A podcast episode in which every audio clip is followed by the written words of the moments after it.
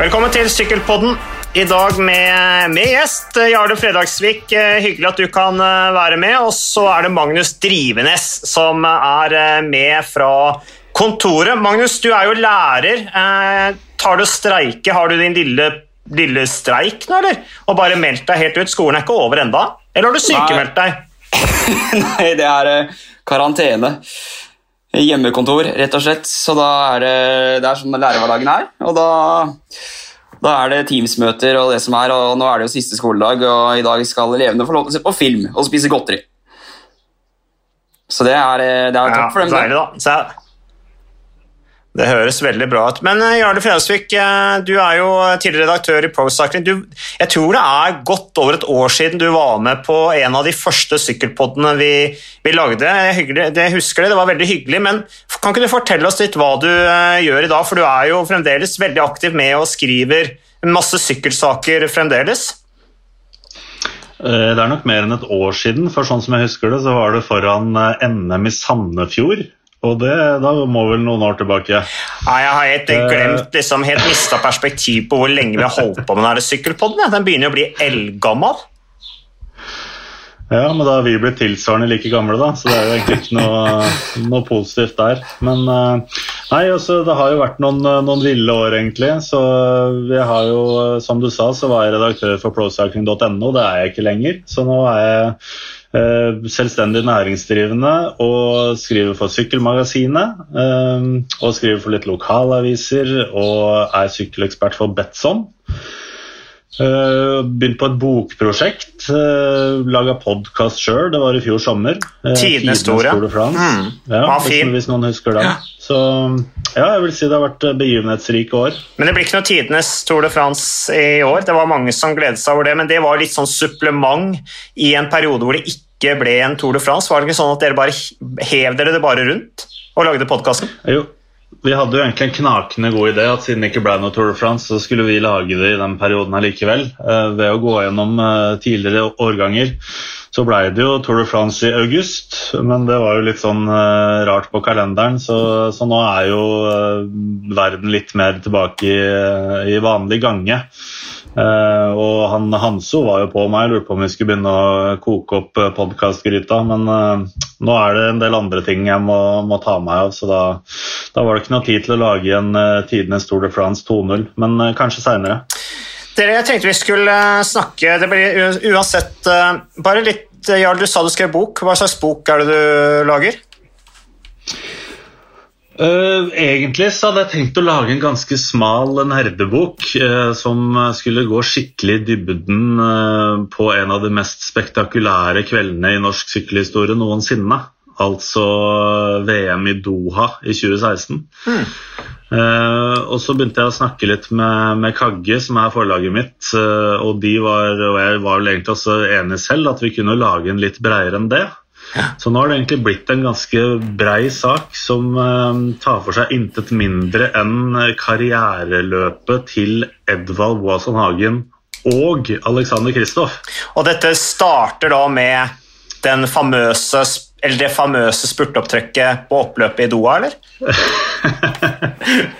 Eh, nei, det, er, det er, går mye lenger eh, tilbake i tid enn det. Altså, de gutta her har jo faktisk en ganske spennende Kall det bakgrunnshistorie, da. Men eh, det momentet med at eh, de konkurrerte mot hverandre da de var eh, 14-15 år gamle eh, De sykla ungdoms-OL i Paris i 2003. Mm.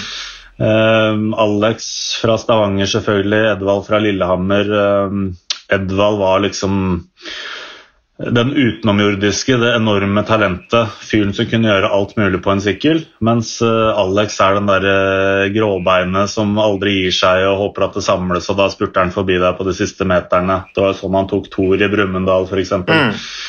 Han var jo alltid i Eh, skyggen av Edvald Alexander som ungdom og juniorrytter.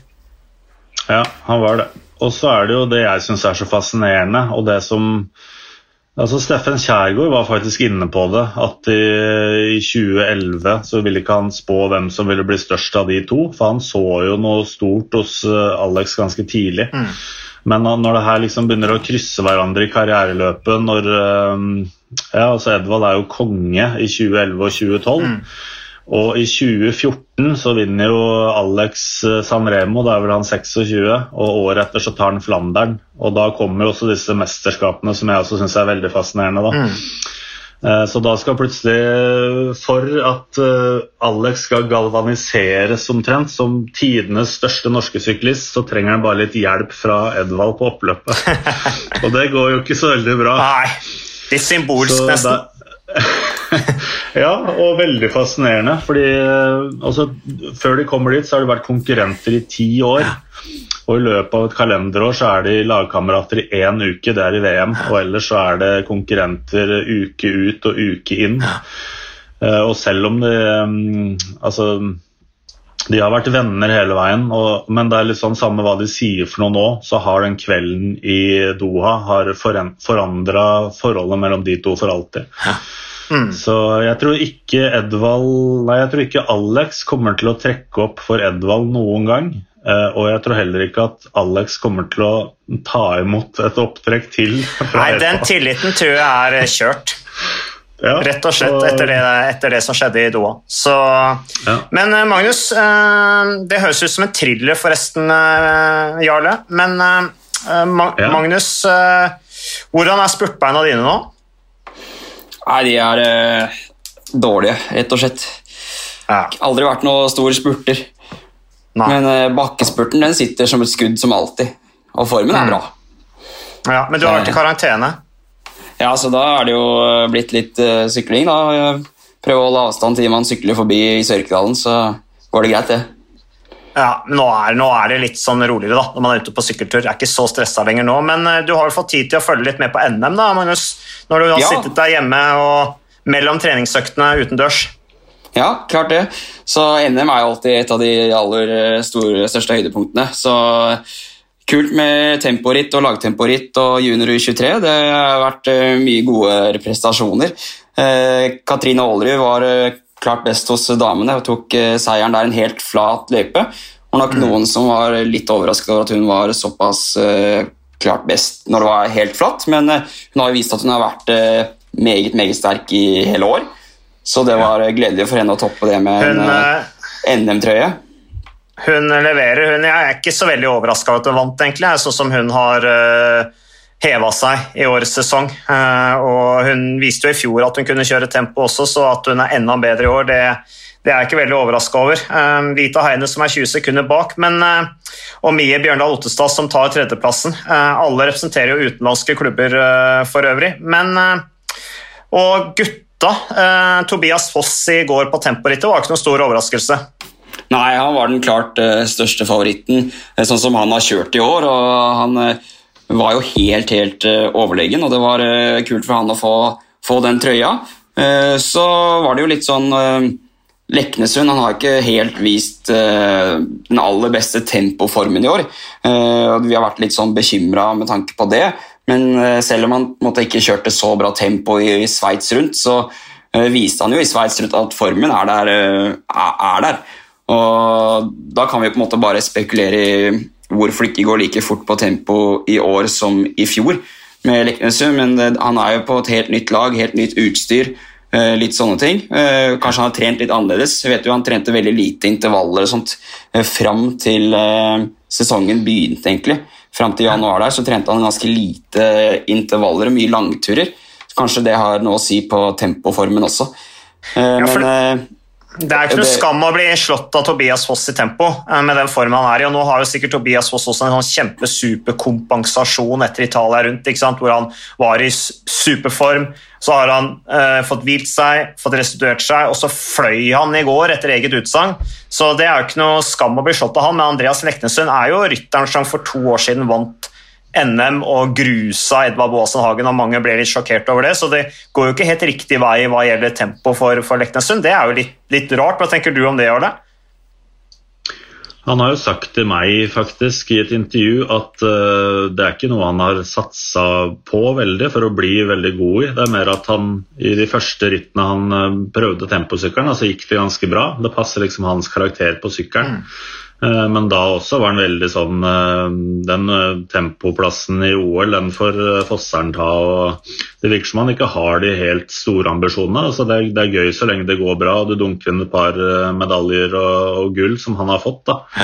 Men eh, jeg tror ikke det er noe sånn veldig stort eh, tempoprosjekt rundt han i, i DSM, at han skal ta så mange store steg der, egentlig. Jeg syns han har hatt en veldig fin sesong.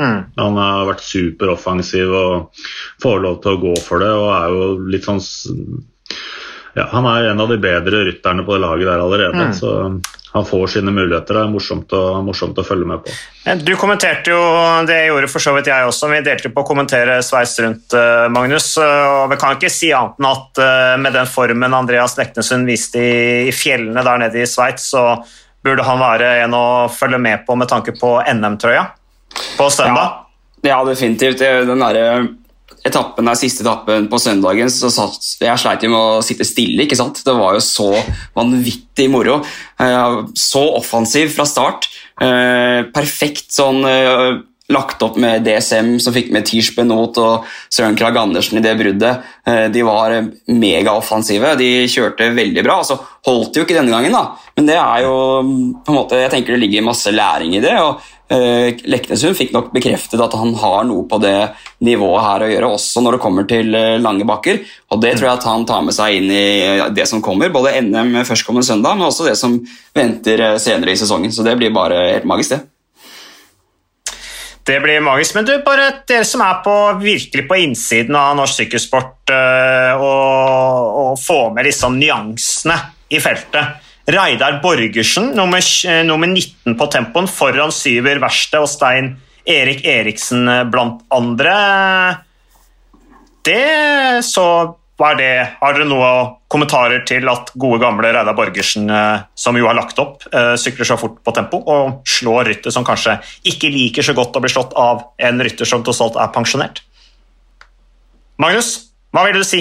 Ja, altså, Kjør på. Jeg ser, jo at eh, Reidar han er jo ekstremt god på aerodynamikk. Da, og han er, eh, er en måte en slags sånn konsulent for mange av rytterne i feltet når det kommer til aerodynamikk. Bruker mye tid på det. eh, sitter veldig bra på temposykkelen. Og så ser jeg jo, jeg følger han på Strava, ikke sant? ser at han er litt aktiv ennå. Det er ikke sånn som i glansdagen, men han trener, eh, trener litt og holder jo trøkket ved like. og så når han da har veldig lav sånn CDA, da, sånn som eh, han, at han betyr at han er veldig aerodynamisk og klarer å tråkke bra mens han er aerodynamisk, så eh, er det ikke så overraskende at eh, han slår eh, mange av de som ikke bruker noe særlig tid på temposykkelen. Samtidig som det nok er litt flaut for eh, sånn som Syver da, å bli slått av eh, Reidar Borgersen. Det, Ja. det svir nok litt. Det er tungt å bli slått av de gamle, men litt gøy òg, er det. Ja, jeg husker jeg var jo på NM i, ved Nærbø. Uh, er ikke det utenfor Bergen en plass? Nei, Det Nærbø, det er Stavanger, Jæren. mener du? Rogaland? Ja, det er Jæren, ja, selvfølgelig. Du- Men hvilket år var det da? Kan det ha vært 2000? Nei, nei, du, jeg tror du snakker om? Øygarden, gjør du ikke det? Jo. Øygarden det er ikke Nærbø. Øygarden det er utenfor Bergen. Det er 2013. Det var da Reidar vant Ja. NM. Dette var jo lenge nei, nei, er feil. Rogaland og Nærbø var lenge det. før din tid, Jarle. Jeg husker jeg sykla NM inn på Nærbø i 1998. Ja, nei, men uansett, da, hvis du sier Øygarden, da. Men, men det var ikke 2013. Det var et av de første årene Edvald var proff, så han var i High Road. Og de han skulle slå der, var jo Geir Lien og Knut Andreas Fostervoll.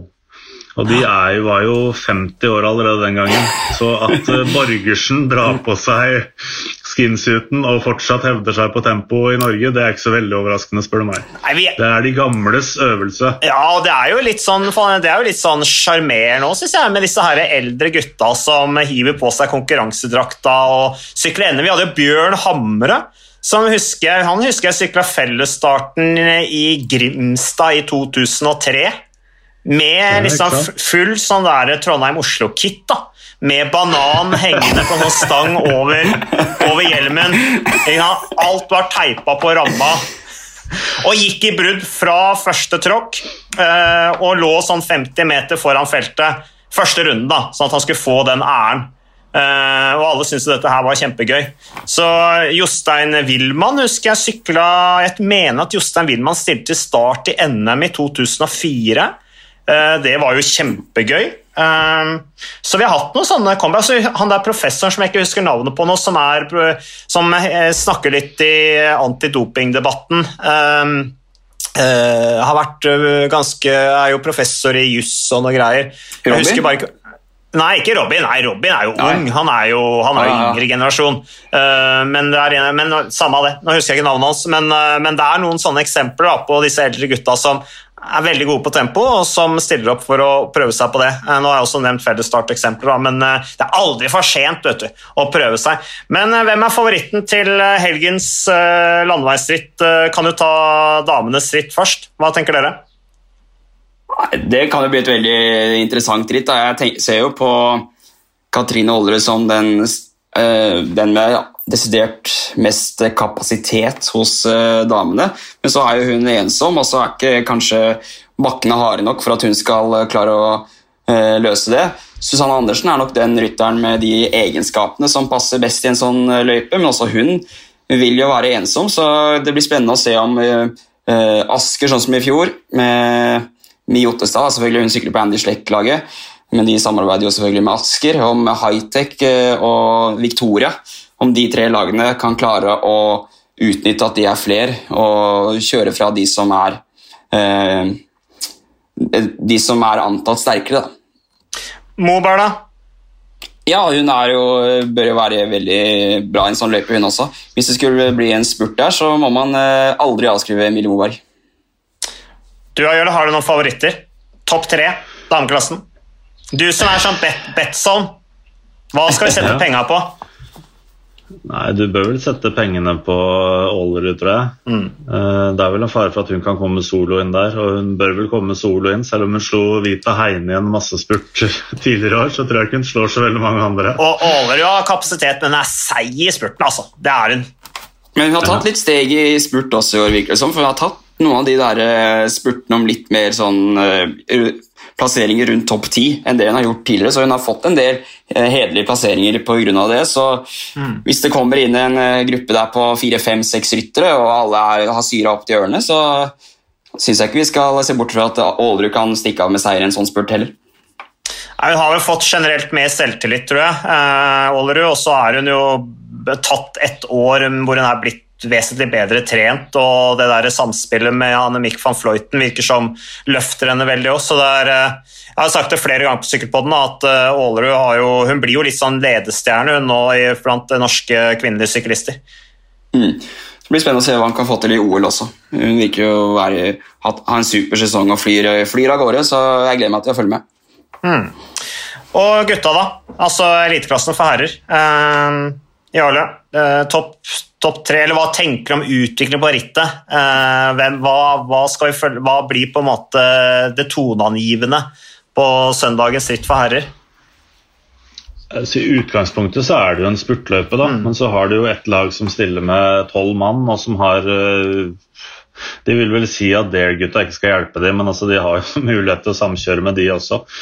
Så det blir jo som vi har sett tidligere, at det sitter et eh, felt hvor omtrent halvparten er fra UNX, og så kommer de til å angripe, angripe i tur og orden. Og så blir det jo Det er jo vanskelig for, eh, for Edvald og Alex å forholde seg til det der, da. Mm. Uh, og så Jeg mener, mener, jo at UnoX skal jo ta det her, om det er Wernskjold eller uh, eller Holgård eller uh, Halvorsen mm. eller hvem de spiller ut, så vil du ha folk i Altså De kan kjøre litt sånn som quickstep. da. Du sitter alltid i overtall, og du har folk for enhver anledning. Mm. Eh, og det er jo litt sånn på godt og vondt, syns jeg at det har blitt sånn. Altså Tidligere så var det gøy å se proffene riste joket litt, eller vice versa, men nå er det jo på en måte et norsk profflag i den haugen der som blir veldig dominant.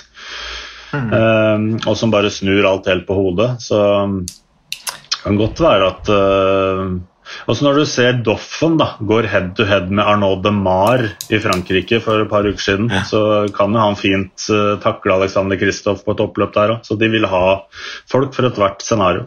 Hva tenker du, Magnus? De har jo, UnoX har jo også den, eh, det der du sier at de har en styrke i, eh, i, i, bredd, altså, i størrelsen på laget. Du sier 12, de er vel egentlig 15 ryttere. De har satt et tak på 15 ryttere, UnoX. De har jo faktisk rytter som ikke er tatt ut i NM, og som må være hjemme. Eh, fordi at de har sagt at 15 ryttere får holde. og Det syns jeg er veldig fair gjort av de. De hadde ikke trengt å gjøre det, men det gjør de. Men, men De er allikevel mange, men det blir jo på en måte litt sånn to to blokker der. Da. Det blir Coop og UnoX, og Coop har jo da Alexander Kistos, Benel Bystrøm. Uh, da blir jo på en måte Vegard Staker Lagen Jeg vet ikke om han skal kjøre engang, men jeg regner med at han også Han skal ikke kjøre, nei. nei, han, nei. Da, men da blir det uansett Spystrøm, Kristoff og Coopingen. Men UnoX har jo den der fordelen at de er de har flere rytter som de kan være offensive med, som du nevner Quickstep der. ikke sant? Sende av gårde i, i brudd. Skorset, Tiller, eh, Blikra, Værenskjold. Altså, det er rytter som kan gå i brudd og vinne en spurt fra, min, eh, fra, ja, fra en, fra en liten, en redusert gruppe også. Ja, Magnus, hva ja.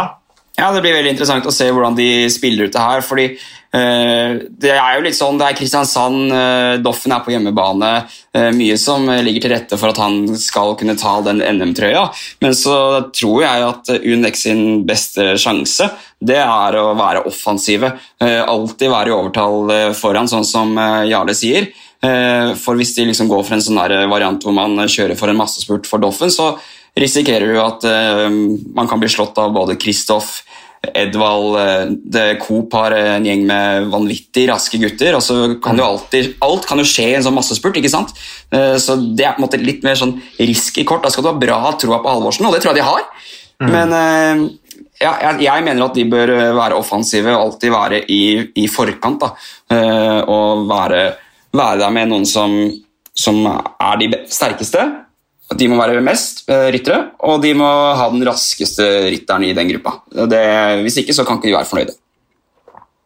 Før var det jo sånn at uh, vi ønska at det var liksom sånn En av de rytterne som skal kjøre Tour de France, er den rytteren som skal vinne NM. For at vi skal ha den der norske mesterskapstrøya i, uh, i Tour de France. Det var, liksom, det var samarbeid mellom proffene for å liksom få den trøya, promotere norske trøya eller Norge, at den skulle være synlig i Tour de France-feltet. Jeg føler at den er ikke så viktig lenger. Hva tenker du, eh, som tross alt er sykkel, nesten blitt sykkelhistoriker? Ja, nei, det er bra poeng. Eh, for det, eh, ofte så ser du jo at Edvald og Alex er veldig obs på hverandre og sitter og markerer hverandre ut. Og så plutselig så har det gått en gruppe som får ja, fem, seks, sju, åtte minutter. da, Og så er det i den gruppa, der sitter medaljevinnerne. Så de har ofte utradert hverandre. Og det kan jo også nå gå litt mer på den bakgrunnshistorien som jeg var innom i stad. At de er ikke perlevenner lenger, og å hjelpe den andre det sitter langt inne. Og så syns jeg også at den der Coop-alliansen synes jeg noen ganger er litt sånn merkelig. Mm.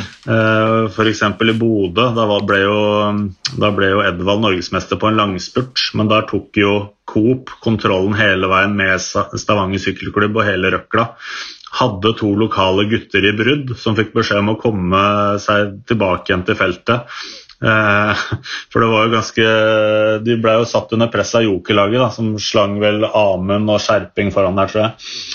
Eh, og så, så noen ganger syns jeg den ko ko koalisjonen eller konstellasjonen blir litt rar. Uh, også litt i Sandefjord, egentlig, da Vegard Stake Lagen ble norgesmester. Mm. Så sånn sett så er kanskje mer sansen for Unex, da, som er et lag, og liksom vi kjører for et lag, enn at du skal involvere tre klubber i konseptet ditt. og man sier at man skal ikke på en måte overkjøre talentene, og de skal få kjøre sitt eget løp, men de får jo ikke det. Så det er noen merkelige konstellasjoner ute og går i norsk eksport, syns jeg. Og NM blir alltid et bikkjeslagsmål, og det er jo taktisk veldig interessant. Rotterace, enkelt og greit. Har vært det, i hvert fall. Absolutt. Tidligere. Ja. Så, men hva med Lillehammer nå? Er det sånn, er det noe sånn klikk der med Edvald og Tobias Foss og sånn? Er er eksisterer ikke den, den fronten der, da, for å kalle det det lenger? Det er nok et lite samarbeid der, vil jeg tro. De samarbeidet vel i, i fjor, gjorde de ikke det? Eller da var vel eh, eh, Foss sammen med Lillehammer, var det ikke det? Så det kan fort bli noe lignende i år, men eh, ja, Lillehammer har jo for så vidt et uh, sterkt lag, de, men de har ikke helt det samme laget som da vi husker Tiller og Foss kjørte der som første- og andreårs uh, seniorer og herjet i Norgescupen. så de har ikke helt de derre supertalentene som er på et sånt skikkelig høyt nivå. Det har de ikke nå. så det er på en måte litt begrensa hva man kan få ut av et sånt samarbeid sammenlignet med f.eks. Coop og, og UAE. da. Kristiansand og, eh, og, Ringerike, hvordan er de klubbene nå? Hvor seiler de opp på, måte, eh, på favorittlista i et, i et, NM? Er det, sånn, hvis, er det noen som snakker om det i det hele tatt? Er det, er det noen ryttere der som kan overraske og, og vinne? Ringerike er jo et veldig sterkt eh, kollektiv. Nå var jo det et av de aller beste klubblagene sånn som det var i fjor. og så har jo på en måte, halvparten av de gutta gått til eh, Dare eller Unex eller uh, hva det er. Så mm. de, men de er jo alltid der oppe i Ringerike. De har et veldig ungt lag, men de har et lag som helt sikkert kommer til å være med på leken både hva gjelder brudd og offensiv kjøring, og kanskje også finaler. Og så tror jeg ikke de helt har den spisskompetansen til å avgjøre det til sin fordel i, i en finale i det selskapet der, men de kommer til å være med og sette farge på rittet. og Kristiansand også Eh, de er nok hissige på å vise seg fram i, på hjemmebane. og Han eh, godeste Tobias Halvorsen han har jo hatt en veldig bra sesongstart med tredjeplass i eh, Norgescupåpningen i Skatval. Og mm. sjetteplass på U23-NM oppe i Drivenesrunden. Ja, Drivenesrunden. Ja, Drivenesrunden. Du elsker det. Så, jeg elsker det. Kommer, kommer den fra deg, eller, Marius? Er det Drivenesrunden? Er det du som tok Er det noen som Strava-rekorder eller noe som Er det oppkalt ja. etter deg? Det burde vært, burde vært, men eh, det er ikke det. Det er nok et sted ute i Vennesla der som heter Drivenes, visstnok. Drivenesbakkene.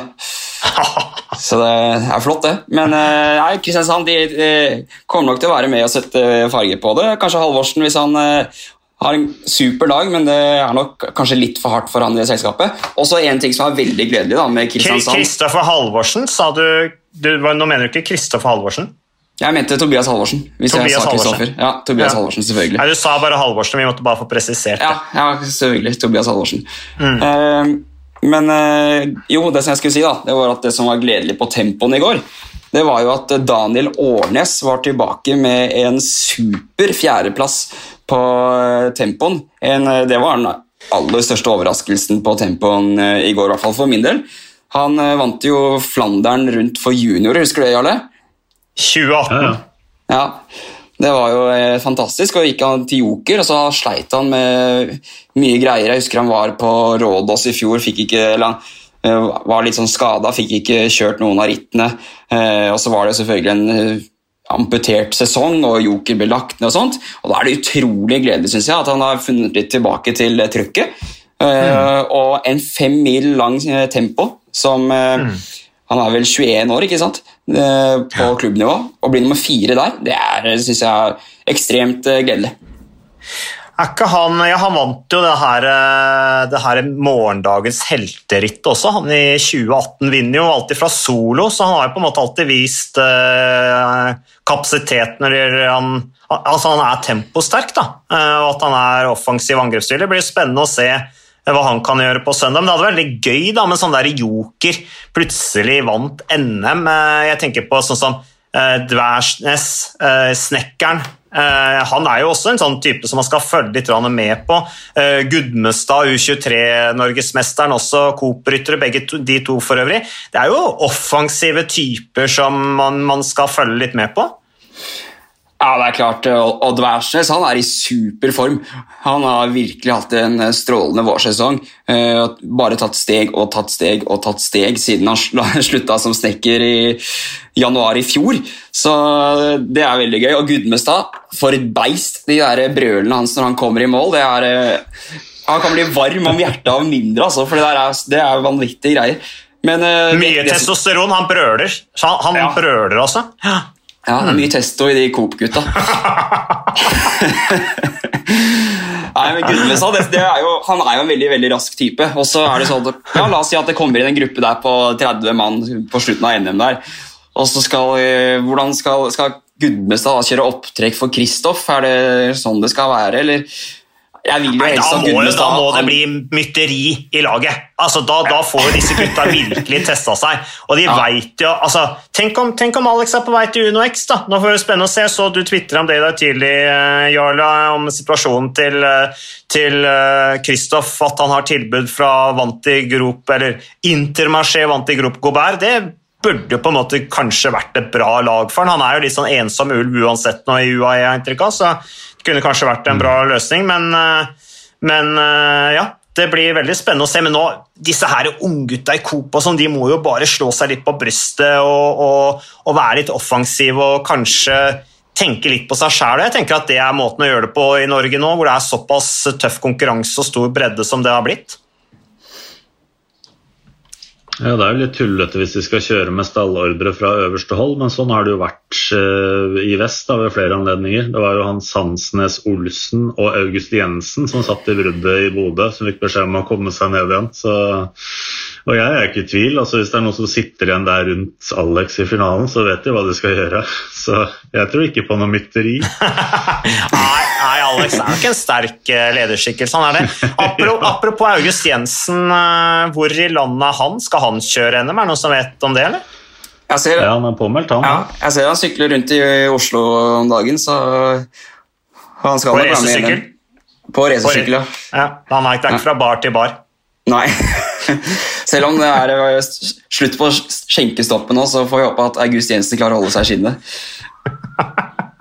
Vi satser på det. Nei, men Det blir spennende med NM. Men dere er litt tilbake til UnoX. eh, Denne ukas eh, nyhet eller Ja, det blir jo denne uka, faktisk. For i dag er vi på fredag 18. juni. Um, om at UnoX søker eh, World Tour eh, var det ikke på mandag den nyheten kom. Jeg satt og, jeg satt og liksom eh, drakk kaffe og var ikke helt våken den dagen. Så kommer den nyheten her, så tenkte jeg liksom, hva, hva er det her for noe? Uh, måtte lese litt grundig på det, gni meg litt i øya. Men de skal faktisk søke World Tour-lisens. Eh, kan risikere, eller kan eh, i beste fall få den da fra 2023. Det ville vært kjempegøy. Hva, er ikke det drømmescenario for norsk sykkelsport? Endelig går drømmen i oppfyllelse. Hvem spør du? Spør dere begge. Det er bare hvem av dere som tar Ta ordet, ordet, først. Du, nå er vi på sykkelpodden. Her er det er bare om å gjøre å ta ordet. Litt som i spurten med Coop det. på oppløpet i Kristiansand. For min del så er det her så store nyheter, så jeg vet, jeg vet fortsatt ikke om jeg har klart å ta det innover meg. Men altså, herregud så ambisiøse de gutta her er, og for et prosjekt de ruller ut. Både for eh, gutter og jenter, kvinner og barn, holdt jeg på å si. Altså, alle skal med, og det er eh, strøkne sykler, og det er eh, suverent apparat rundt. og Altså, de, har, de har blitt sånn superpopulære i utlandet. Ja. Eh, I Norge så er vi vant til liksom firedobbelt norsk på skiskytterarenaen. Og når Rasmus Tilder blir nummer eh, ja, hva ble han, tre i Le Samin, så skjønner jo ikke det i Norge. Men i utlandet så har det latt seg fascinere veldig av de lagene her. For de kan jo mer sykkel enn oss, og de ser på prestasjonene de gjør. Og de har latt seg veldig imponere av, eh, av det de har gjort. Eh, Og så befinner altså, De sier jo selv at de skal være som Ajax. Og hva er det som skjer i Ajax når de går til semifinale i Champions League? De mister ni mann året etter, for da kommer de store klubbene og henter spillerne deres. Og det er jo det som er i ferd med å skje i UnoX nå. Og de sier jo selv at alle skal få gå, og det er bare fint å klappe på skulderen, men det stemmer jo ikke. De hater å miste ryttere, Ja. eh, og i hvert fall uten å sitte igjen med noe som helst. Og det beste svaret de kan gi til rytterne sine, som nå sitter med tilbud og vurderer hva de skal gjøre, det er å si vent på oss. I 2023 søker vi eh, World Tour-status. Da får du sykle Tour de France, Paris-Roubais, Flandern rundt hos oss. Og så vil vi se om den søknaden går inn, og så vil vi se om folk er tålmodige nok til å vente på det her. Men uh, hatten av og applaus for at de våger, og at de faktisk eh, setter ord bak handling, handling, eller handling bak ord, og, og prøver å ta stegerne. Og det er kjempenyheter. Det er knallkult. Det betyr jo også, jeg tipper at den søknaden og den nyheten kan åpne opp for uh, uansett en deltakelse i en Grand Tour neste år. Målet er selvfølgelig Tour de France i og med at det starter i København. Og det har jo en skandinavisk profil, så det kunne jo kanskje være forlokkende for Tour de France å invitere de. Det blir jo alltid en knalltøff kamp der selvfølgelig i forhold til de, norske, nei, de, de franske lagene som skal med osv. Men allikevel, det er, eh, det er som du sier, det er veldig gøy. Eh, og De har jo da damelaget også som skal med, som blir World Tour-lag fra neste år. Da blir det kvinnenes Tour de France. Kjempe, kjempesatsing der også fra, fra, Tour de France sin side. Signert femårsavtale med, med fransk TV på produksjonen der det kom nyhet om det i går. Så eh, det er jo veldig moro, da, det som skjer i norsk sykkelsport nå. og det med Ajax, du nevner det, jeg syns det er artig. Jeg syns det minner litt om I hvert fall har til nå minnet litt om Quickstep. At uh, ryttere bygger seg opp i Quickstep, og så blir de for dyre og så går de andre steder. Uh, det er vel litt sånn det kan bli i, i UNX nå, men nå, er klart nå blir det lettere å holde på rytterne, som f.eks. Søren Wernerskjold, som også er aktuell som du vel også tvitra om, Jarle, for, for uh, Intermarché vant i Grop Gobert. Um, da blir det litt lettere å bli i det norske laget. Jeg vet ikke hva som har skjedd der, for de var jo først ute etter Markus Holgaard. Fikk ikke han, han går til Trek. Mm. Eh, og så legger de bud på bordet til eh, Wernskjold. Eh, og de prøver å få tak i i hvert fall Alexander Kristoff, og jeg tror også det er interesse for Bystrøm der. Så de har gått etter fire nordmenn, da, sånn litt ut av det blå. Har jo fortsatt Eiking, som er litt uavklart neste år. Mm. Men det som også er med UnoX, det er jo timingen, som er helt sensasjonell. Altså, Joker begynte å, å, bikke litt og var jo på vei ut og ned. og Akkurat da kom de inn fra siden og bare sveipa alt som var av interessante ryttere. Eh, rival eh, har jo falt med et solid mageplask og kunne jo stått i veien for de på en måte på det danske markedet, også inn mot Tour de France neste år, men nå er de helt ute eh, med den statusen de har nå. Uh, og det der med, med, kvinnesatsing også, hvor de egentlig ikke skulle komme seg inn i World Tour, men nå er det allikevel en åpning i regelverket, og som du nevnte med, med damenes Tour de France. Så fantastisk mm. timing, litt flyt skal man ha. UnoX har, har, hatt ganske mye, og så blir det her veldig mye større enn de Altså det er seks år siden de starta Conti-satsinga si. Mm. Nei, så Det har godt vært utvikling hele veien. De sier jo at de er veldig opptatt av utvikling, så det er veldig gøy. Og så er det jo morsomt, da, Vi, har vi snakka litt om det i forrige sykkelpod med, med, Magnus uh, Orre, men uh, Dare Development-laget med Halland uh, Johannessen, disse tvillingene, Anders og Tobias Jeg vet ikke forskjellen på, hvem, på, på de egentlig. de er jo klin like, så jeg surrer veldig med dem, men der er det ja, det er, det er, så bredde i, i, i, talentet som er på vei opp nå. Uh, så det er, eh, det, er, det er, veldig gøy. Da går det på en måte an å håpe på at man faktisk i framtida får et uh, lag som kan kjempe på, på ulike, ulike, fronter.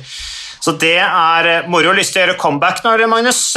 Nå som det er så mye som skjer i, i norsk sykkelsport med proffsatsinger og greier.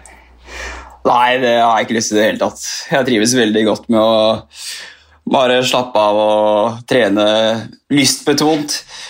Og da, da kommer formen òg, vet du. Når man bare ut og kjører bakker og kose seg. Mm. Du setter ikke press på deg lenger vet du, på samme nei, måte. Nei, nei. Det er veldig formutløsende, det. Ja. Så jeg skal ikke ha noe comeback her, altså. Kanskje noe turritt. Turritt, ja. Du skal ikke kimse av det. Det blir fort høyt nivå på de òg fremover nå når det åpner opp. Ja. Så alle disse her er veldig sultne mosjonistene og turrytterne endelig kan komme ut i det fri og tråkke fra seg. Så det kommer til å bli skyhøyt nivå på det også fremover. Men Hva med eh, Mats? Det blir ikke noe. Jeg ser at jeg begynner å nærme meg 50-tallet. Jeg tenker at, eh, ja, ja, Vi snakka jo litt om dette her å stille opp i NM eh, når du på en måte har passert middagshøyden. Og det er jo selvfølgelig alltid mulighet. Kan jo være at barna mine hadde syntes det var gøy å se sin far liksom på startstreken i et NM med de beste gutta, liksom store gutta. Uh, de kan heie på men etter en runde så tror jeg kanskje at det hadde vært litt flaut.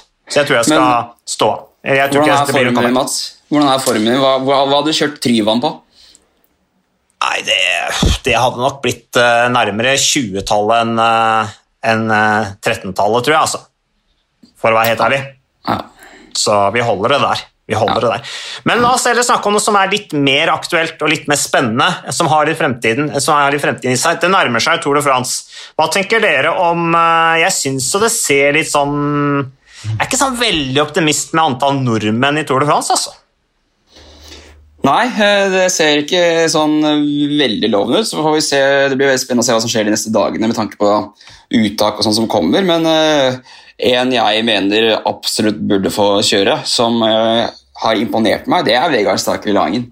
eh, Som kjørte utrolig bra i Slovenia rundt, og han har vist at han er en eh, mann å stole på for uh, Tadej Pogacar. Så han håper jeg virkelig vi får se i, eh, i Tour de France, og jeg mener han har fortjent det. Hva tror du, Jarle? Det er jo Amund Grøndal Jansen, han tror jeg er ganske sikker, men ellers er det vel de to som er de tydeligste kandidatene til å være norske representanter i Tour de France i år. Nei, vi har jo Eddie Boss, da. Ja, vi har det. Eh, nei, Jeg er enig med Magnus. Eh, vi har ikke snakka så mye om Vegard, men han er absolutt aktuell. Eh, så det er han og det er eh, Amund, og jeg mener også Edvald skal kunne gå, gå altså Det var jo derfor han ble signert. Altså Du kommer nesten til eh, B-området. Eh, I hvert fall i riktig hjørne av Frankrike sånn satsingsmessig for ja, Total Direkte Energi, nå heter det vel noe annet de òg. Men uh, jeg tror greia der var at du skulle komme dit med en profilert eh, tidligere etappevinner på laget som skulle reske opp litt i Tour de France. Og så har jo ikke ting gått helt sånn som uh, vi håpa for Edvald heller, men Nei, vi får krysse fingrene. Jeg håper at Edvald vinner NM, jeg. Fordi at da, da er det Det tror jeg kan være litt siste lille. Ja, selvfølgelig skal Edvald være med som norsk mester i, i Tour de France. Jeg tror at det kan være hva, positivt, hva, var, hva var siste rittet hans, da? Ja, hva var det? Var ikke det klassikerne?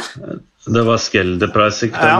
Så, Han velta Ja, ut i ja. et endagsritt i Sveits, ikke sant? Det var der han skada seg. Så, og før det var det Skelderpreis, så det Ja.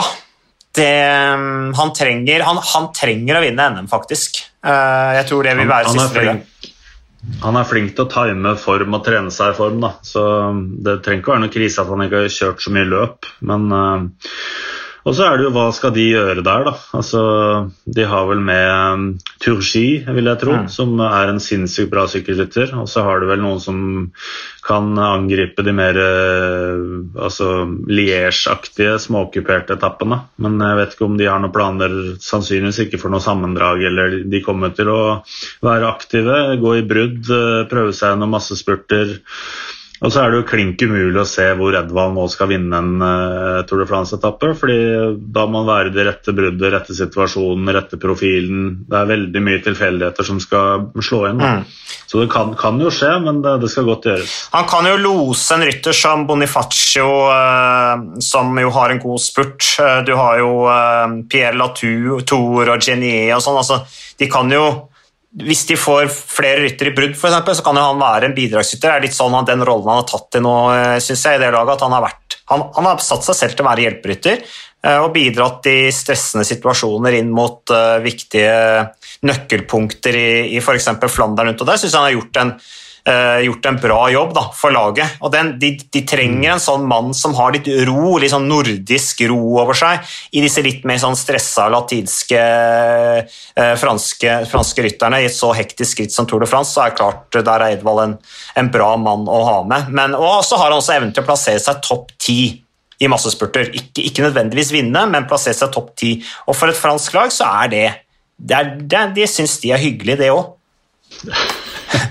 Og så er han alltid der oppe på Champs-Élysées. Ja, ja. Alltid nummer fem. Ikke sant? Ja.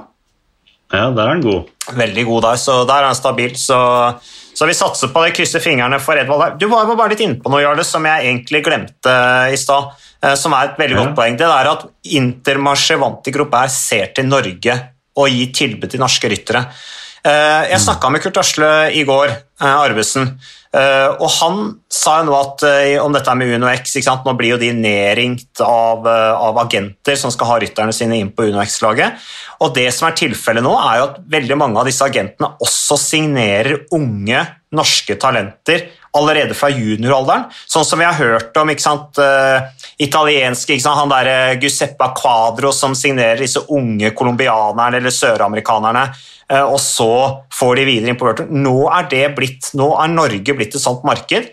Og Kurt var jo litt eh, opptatt av og bekymra over at da unge ryttere sa ja disse utenlandske agentene, og lot seg der lokke av kortsiktige eller, eller, eller av pengene. da. Eh, og at de, det kunne være litt eh, skummelt med tanke på den langsiktige utviklingen. Eh, er, ikke det, er ikke det litt artig utvikling også? Han viser ikke det bare at eh, Norge er blitt litt sånn eh, land som, eh, som er blitt Ja, det er blitt et spennende marked også på ryttersida? Det er litt det jeg sier, da, at de later som at det er helt greit at ryttere blir plukka for de, men egentlig så er de livredde for det. Eh, og jeg tror det var derfor de eh, Altså det er flere grunner til at de reiste det Dare-laget. Det ene var at de ønska å få fram klatretyper, og det andre er at de ønska mer kontroll på norske talenter. Eh, og det er jo naturlig, men det var også fordi Staune Mitte glapp. Mm. Nå husker jeg ikke hva han heter engang, det er jo veldig dårlig av meg. Johannes? Uh, ja, men han som var han, Vegard Stokke. Stokke. Mm. Vegard Stokke glapp, uh, og det kan ikke fortsette sånn sett fra UnoX sitt uh, synspunkt. og om de får så mye dårligere karriereutvikling i DSM eller Jumbo Visma eller UnoX. Altså. Eller Bahrain. Det er jo en nordmann i Bahrain nå, utviklingslaget der. Ja, han kjenner sikkert Magnus bedre. ja, Jonas Hjort han sykler på Bahrain. Han har kjørt noen kule ritt i Mont Ventoux Challenge og litt sånn, men de store resultatene har uteblitt. Men hva skjer Men jeg vet, jeg, jeg vet, ikke om jeg forsto deg riktig, Mats. Og så er det at, eh, at, agenter er på og vil sikre seg rettigheter på norske ryttere tidlig, tidlig eller er det at uh, utenlandske ryttere tar kontakt og har lyst til å kjøre for UnoX? Begge deler. Eh, okay. Utenlandske agenter tar kontakt med UnoX for å få inn deres utenlandske ryttere i UnoX, men også utenlandske agenter som henvender seg til norske unge talenter, som følger da med på resultatene, lokale resultater, resultater i juniorritt osv., og, så og så rett og slett signerer unge norske ryttere mens de allerede er i junioralderen. Eh, og det er jo på en måte gøy, spennende, samtidig som man skal være, advare kanskje unge ryttere mot å, å, involvere seg for mye utenlandske agenter som er opptatt av å tjene kjappe penger. Da. Eh, så der er det i hvert fall viktig at de tenker langsiktig, eh, og ikke hopper på det beste økonomiske tilbudet. Så ja. Du må også huske på at norske ryttere er ekstremt ambisiøse. Altså hvis du tar den gjengen som jeg kaller for firerbanden fra Lillehammer, Eh, Anders Gårdseth, Tobias Foss, Truls Engen Korseth og hvem er sistemann, eh, Magnus? Og Rasmus Tiller. Ekstremt ambisiøse. Rett ut på første og beste tilbud. Eh, nå har jo Skårseth roa seg veldig, og Tiller kommer hjem igjen.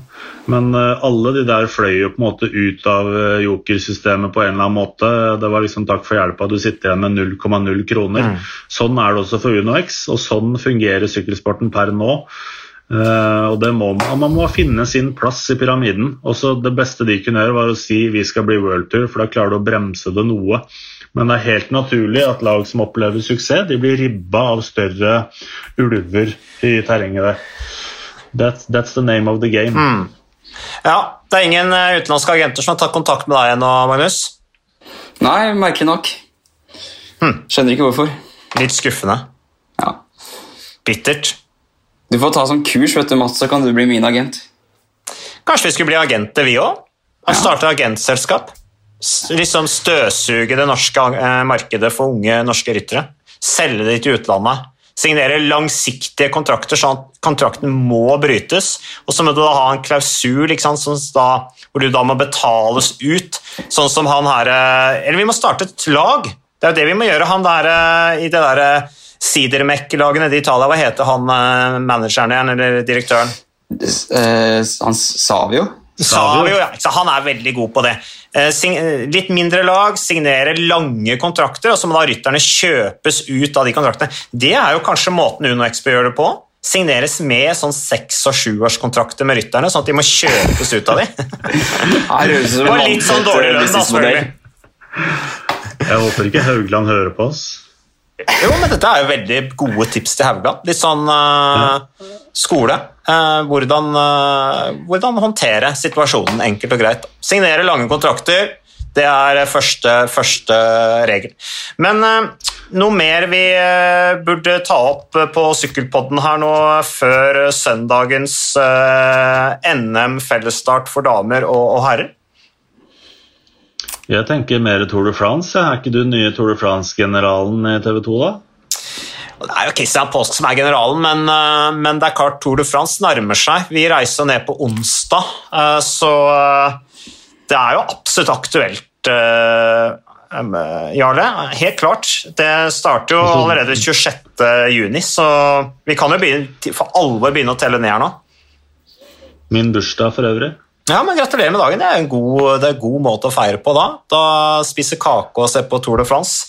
Etappen som går til Landarnu. Det er jo, de to første etappene, er eller to-tre første etappene er veldig klassikerpreg.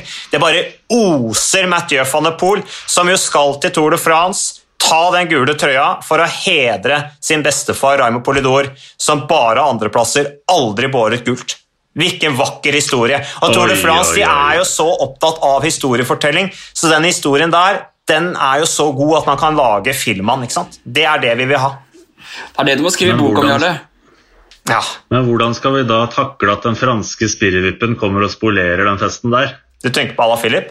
Han er i, amme, han er i sånn ammetåke, han, han er så sliten etter å ikke sovet om natta. Ja. Det får du jo superkrefter av. Ja, gjør du egentlig det? Ja, det gjør kanskje Det er jo det dedisere seieren og sånn um, tå- Tåteflaske over målstreken. Smokk, kommer. også. Var det ikke Hvem var det? Det var jo Sastre var det ikke det, som hadde med seg smokk over målstreken et ritt han vant en gang.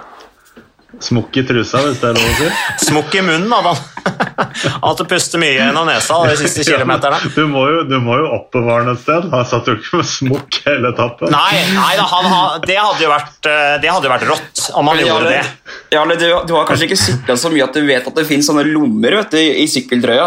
Der kan du oppbevare smokken, så trenger ikke ha den rett inni skrukken der. ikke sant? Det er litt mer hygienisk nei, er også.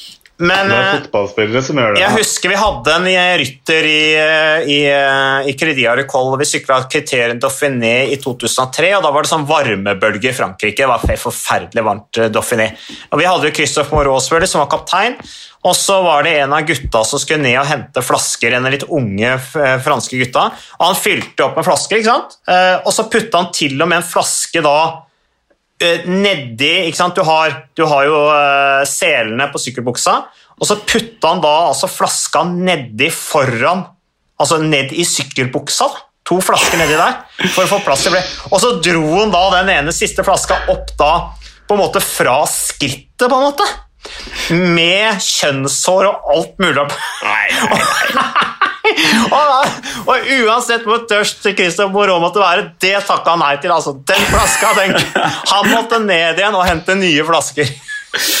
Og han var tørst, skal sies. Ja, han var tørst, altså. Det var Christoph Marot var tørst. Han var kjent i feltet for å være tørst. Helt riktig. Hvem Så, var, hvem var, no, hvem var unggutten som henta de flaskene? Nei, jeg vil ikke si navnet hans. Jeg vil ikke si. For å være fair mot han. Så han var veldig snill gutt. Han gjorde sitt beste. Gjorde alt han kunne. Fylte opp med flasker. Tenkte han, ok, Hvis jeg skal få med de siste to flaskene, så må jeg faktisk putte de oppi sykkelbuksa foran. Men det var jo ikke noe særlig god idé. Det var ikke spesielt hygienisk.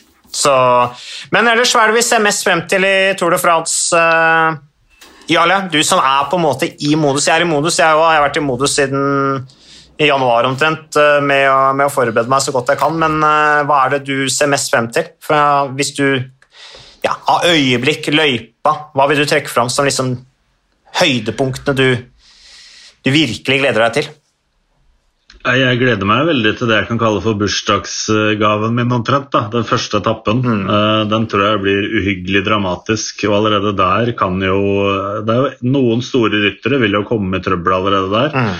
Og så får du den veldig interessante avslutningen eh, hvor du får sammenlagt sammenlagtryttere som kommer til å gå for eh, ja, om det er etappeseil, eller i hvert fall bare plassere seg godt og henge med helt oppi der. da eh, mot disse pensjørene. Eh, Det ligger selvfølgelig en gul trøye i potten, og det er ikke sikkert at, eh, at Roglic eller Pogacar har lyst på den allerede der, men de er jo gode nok til å angripe en sånn klatring med tre kilometer igjen eh, på slutten her og 11% til starten. Og Så er det selvfølgelig spennende med van der Poel, da, om han klarer å henge med opp der. Eh, hvis han gjør det, så er det en veldig god sjanse for at han vinner. Og han kommer til å gi Tour de France en ny dimensjon. Så allsidig og aggressiv og rå han er. Altså bare å, og Den første uka der så har du flere etapper for de gutta der, da, i tillegg til noen spurtetapper. Og så er det vel etappe sju, som er en sånn Liège-Basson-Liège-affære. 249,5 km. Og en eh, veldig tøff bakke, Signal du Champ, eh, som dukker opp. Jeg eh, På toppen så er det 18 km igjen til mål, så den er jo spesialdesigna til Ala Philippe. Eh, og sikkert, sikkert andre også, så igjen der får du det samme. Da, at det er GC mot pensjører, og, og hvem trekker det, det lengste strået. Uh, og så er det Jeg tenker ruta sånn i all hovedsak er jo ganske tradisjonell, egentlig. Det er litt kjente fjell og kjente stigninger. Det er uh, Vento, uh, og det er Tourmalet, men det er ikke målgang på toppen av noen av de. de råeste etappene er kanskje i, i Pyreneene, selv om den Grand Bornard-etappen også er er ganske tøff. Mm.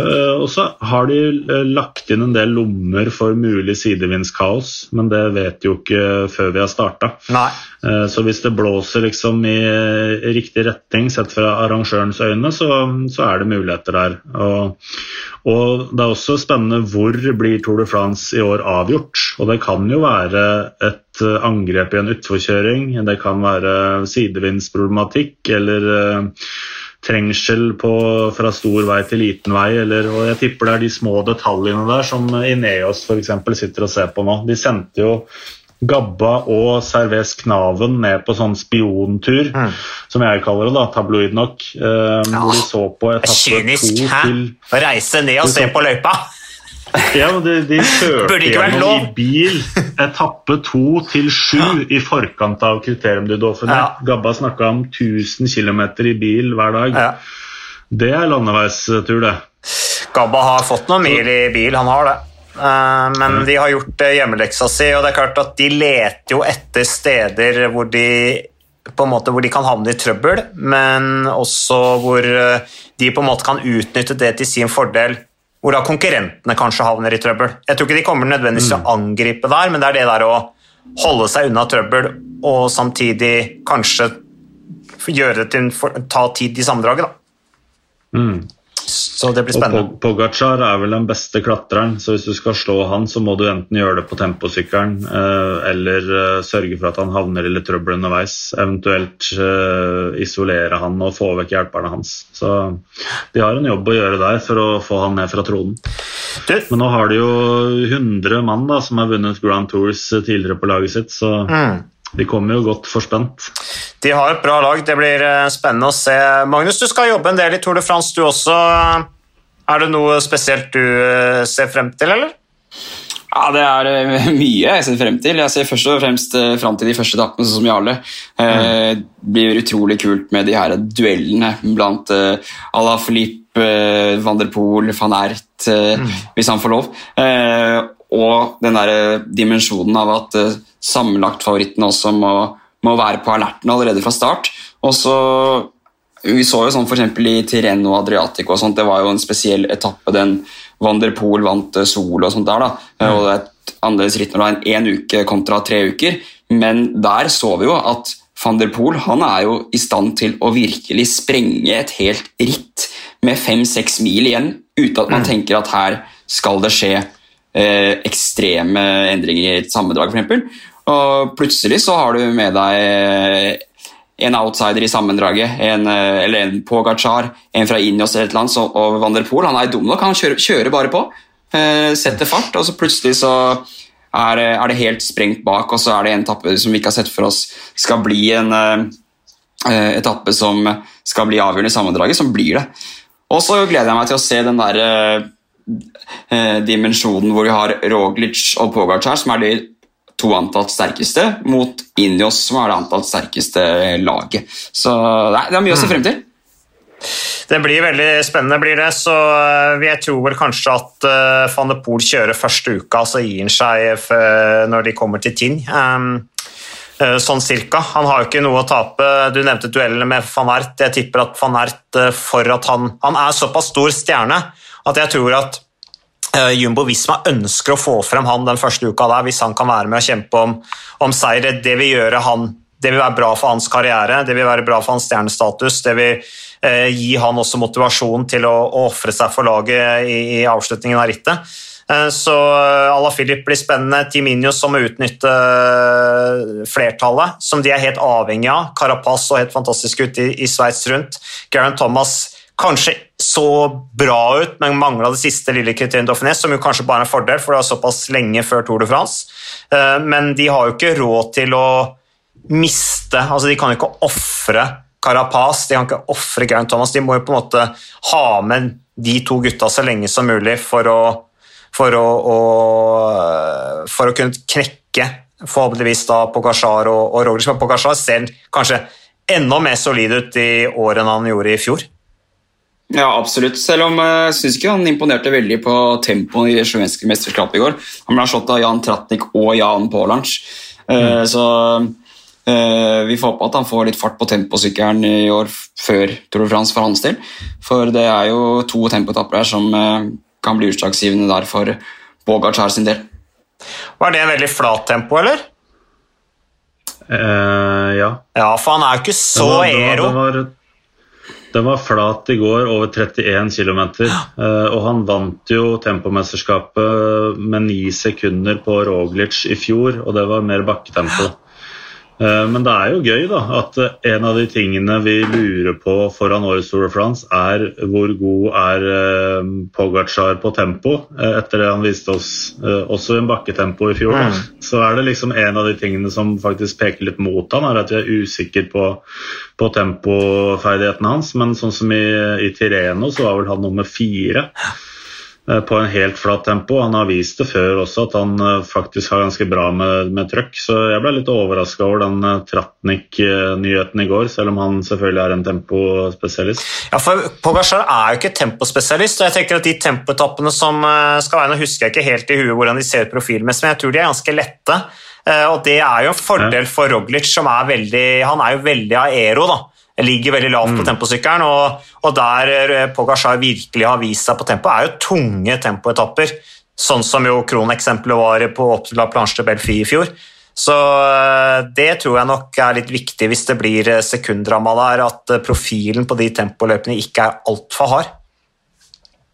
Jeg tror det er det han kommer med som på en måte hans eh, skjulte våpen i Tour de France. Eh, Roglic, der at han har, eh, han har, forberedt seg veldig lenge nå, helt i fred og ro, og mye høyde. Men jeg tror også han har finpussa mye på, på tempo, ja, teknikken og, og, stillingen hans, og, ser at det er hans mulighet til å, å, knipe litt på de andre. Så vi ser hvor, hvor mye han klarer å ta på Dren Thomas f.eks. Også spent på Carapaz, som har vært mye i Ecuador og trent der sammen med treneren sin, og som har spesifikt fått pålegg om å prioritere tempo. Så han, mm. uh, han ble vel uh, nummer tre, ble han ikke det, på den uh, bakketempoen i, i Sides? Magnus, du kommenterte det. Ble ikke han nummer tre der? Jo, jeg tror det. Ja, Så han sykla omtrent like fort som Demolay. For øvrig et bra comeback av Demolay. Han sykler bedre enn Demolay, ja. Ja, så, så på, men Carapaz er kjempeoffensiv, og han har vært i Ecuador som du sier, uh, Jarle, og han har jo trent på helt opp i 4000 meters høyde. Så han kom jo bare Jeg hørte 5000, ja, fem, hvis, det, hvis, det, hvis det, jeg, jeg hørte 6, 6, Det blir bare høyere og høyere for hver gang vi snakker om det. Så uh, han kommer til å være så stappfull av røde blodlegemer at han kommer til å fly opp de bakkene der. Eh, han var jo bare i sånn eh, halvbra form sikkert i Sveits Ruth, så nå får han superkomp og bare kommer til å fly i Tour de France. det blir kjempespennende. Eh, det er litt morsomt, da, også for øvrig at ja, Injos de har jo de har et sterkt lag, det har de. Så, men de har jo ikke altså de siste, de har ikke konkurrert på Pogasjar og Roglic, så de har vel ikke vunnet et eneste tapperitt, tror jeg, eh, hvor Roglic har deltatt på siden 2018 i Inios. Er, er ikke det litt sånn vanlig sånn historisk sett, at man liksom leker litt sånn katt og mus i oppkjøringa og vil liksom ikke klasje før det virkelig skal skje? Jo, det kan jo skape litt sånn eh, mentalt uh, spill. Eh, absolutt. Så det blir veldig, veldig interessant å se formen også fra start på disse viktige åpningsetappene av eh, Tour de France. Le Grand Depart, bursdagen til Jarle Fredagsvik. Da skal vi synge bursdagssangen for deg, Jarle. Um, Oi, så deilig. Kanskje ikke live på TV, men jeg skal i hvert fall synge den utenom. Uh, og så, uh, Magnus, du, du, holder jo fortet der sammen med, med Marius Skjelbæk og Emma Johansson i studio.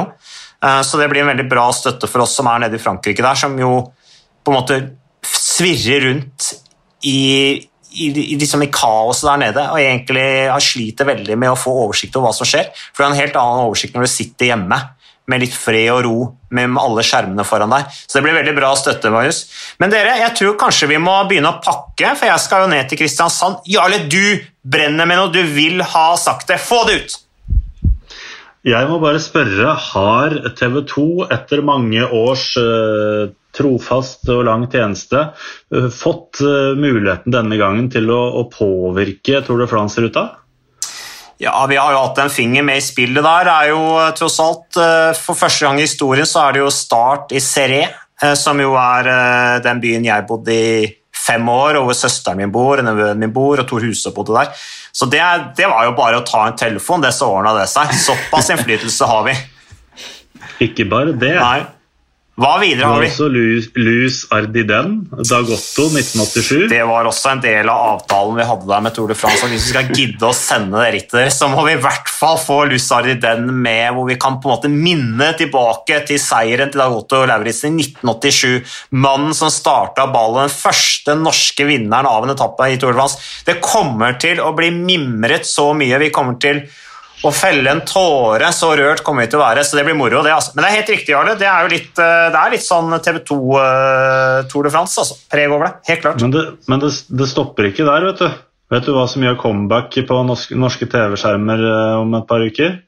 Nei, nå har du Pasta-Toby! Selvfølgelig Tign. Ja, Pasta-Toby er tilbake òg. Tign-etappen, vet du. Den dramatiske Altså, det var jo så dramatisk når det gjorde altså, der kom styrtende ned fjellsidene, rev med seg hus og veier. Ja, det var bra at ingen ble drept. Eh, så det blir sikkert litt mimring tilbake til det også, Jarle. Så vi, kommer, vi har masse å se frem til. også. Den etappen, Jarle, så var det jo jeg som var på vakt på, på procycling, husker du det? Og da, Jeg mener husker jeg gjorde noen feil som uh, du ikke var helt fornøyd med den dagen. Ja, ja. ja. Det kan hende, det. Kollegial kritikk. Konstruktiv kollegial kritikk. Ja. Men du vil ikke gå inn på det? Du sier bare A, men sier ikke B, Magnus? Nei, jeg husker ikke helt hva det var. Jeg husker jeg bare var litt stressa, så kalte jeg det for skandale i tittelen. Og så bare slang jeg, slang jeg, det ut og tenkte ikke mer over det. Og så gikk det en halvtime, og da var det 50 kommentarer i kommentarfeltet over hvor håpløs uh, tittelen var. Ja, for det er jo ikke skandale at det kommer et jordras, og at været er dårlig. Sånn er det. Men jeg, jeg, altså det er, hvis du er veldig Det kommer an på hvem du snakker til. da. Hvis du, er, mm. hvis du har et sånt forhold til de høyere makter at, at, du på en måte kan kritisere dem for været, da er det jo greit. Men det er jo ikke alle som har et sånt forhold til høyere makter. Nei, det... Så det var sikkert en del, selv, en del av, av, leserne som ikke helt skjønte det. Det kan jeg jo, det kan jeg jo forstå. Det som var litt av problemet der, tror jeg, som det var litt sånn begrepsforvirring, var at Dagotto omtalte det som en naturkatastrofe. Det tror jeg ble litt satt ut av hjemme. ja, men i øyeblikket, i, i liven, ikke sant? I, så er det jo det er klart at det opplevdes sånn for Dagotto der nede. Så det var veldig moro. Nei da, vi har mye å se frem til, vi har mye å mimre om. Eh, og tusen takk for eh, at dere deltok på Sykkelpodden, eh, Magnus, og Jarle Jarle som, som spesiell, spesiell, gjest. Hyggelig igjen. Andre gangen du deltar, Jarle. Du kommer helt sikkert til å være med igjen. Vi trenger folk som har innsikt og som elsker å formidle fra norsk og internasjonal sykkelsport, så det er vi glade for. Så tusen takk for at du lyttet på Sykkelpodden, og lykke til med NM i helgen for de som skal delta i det.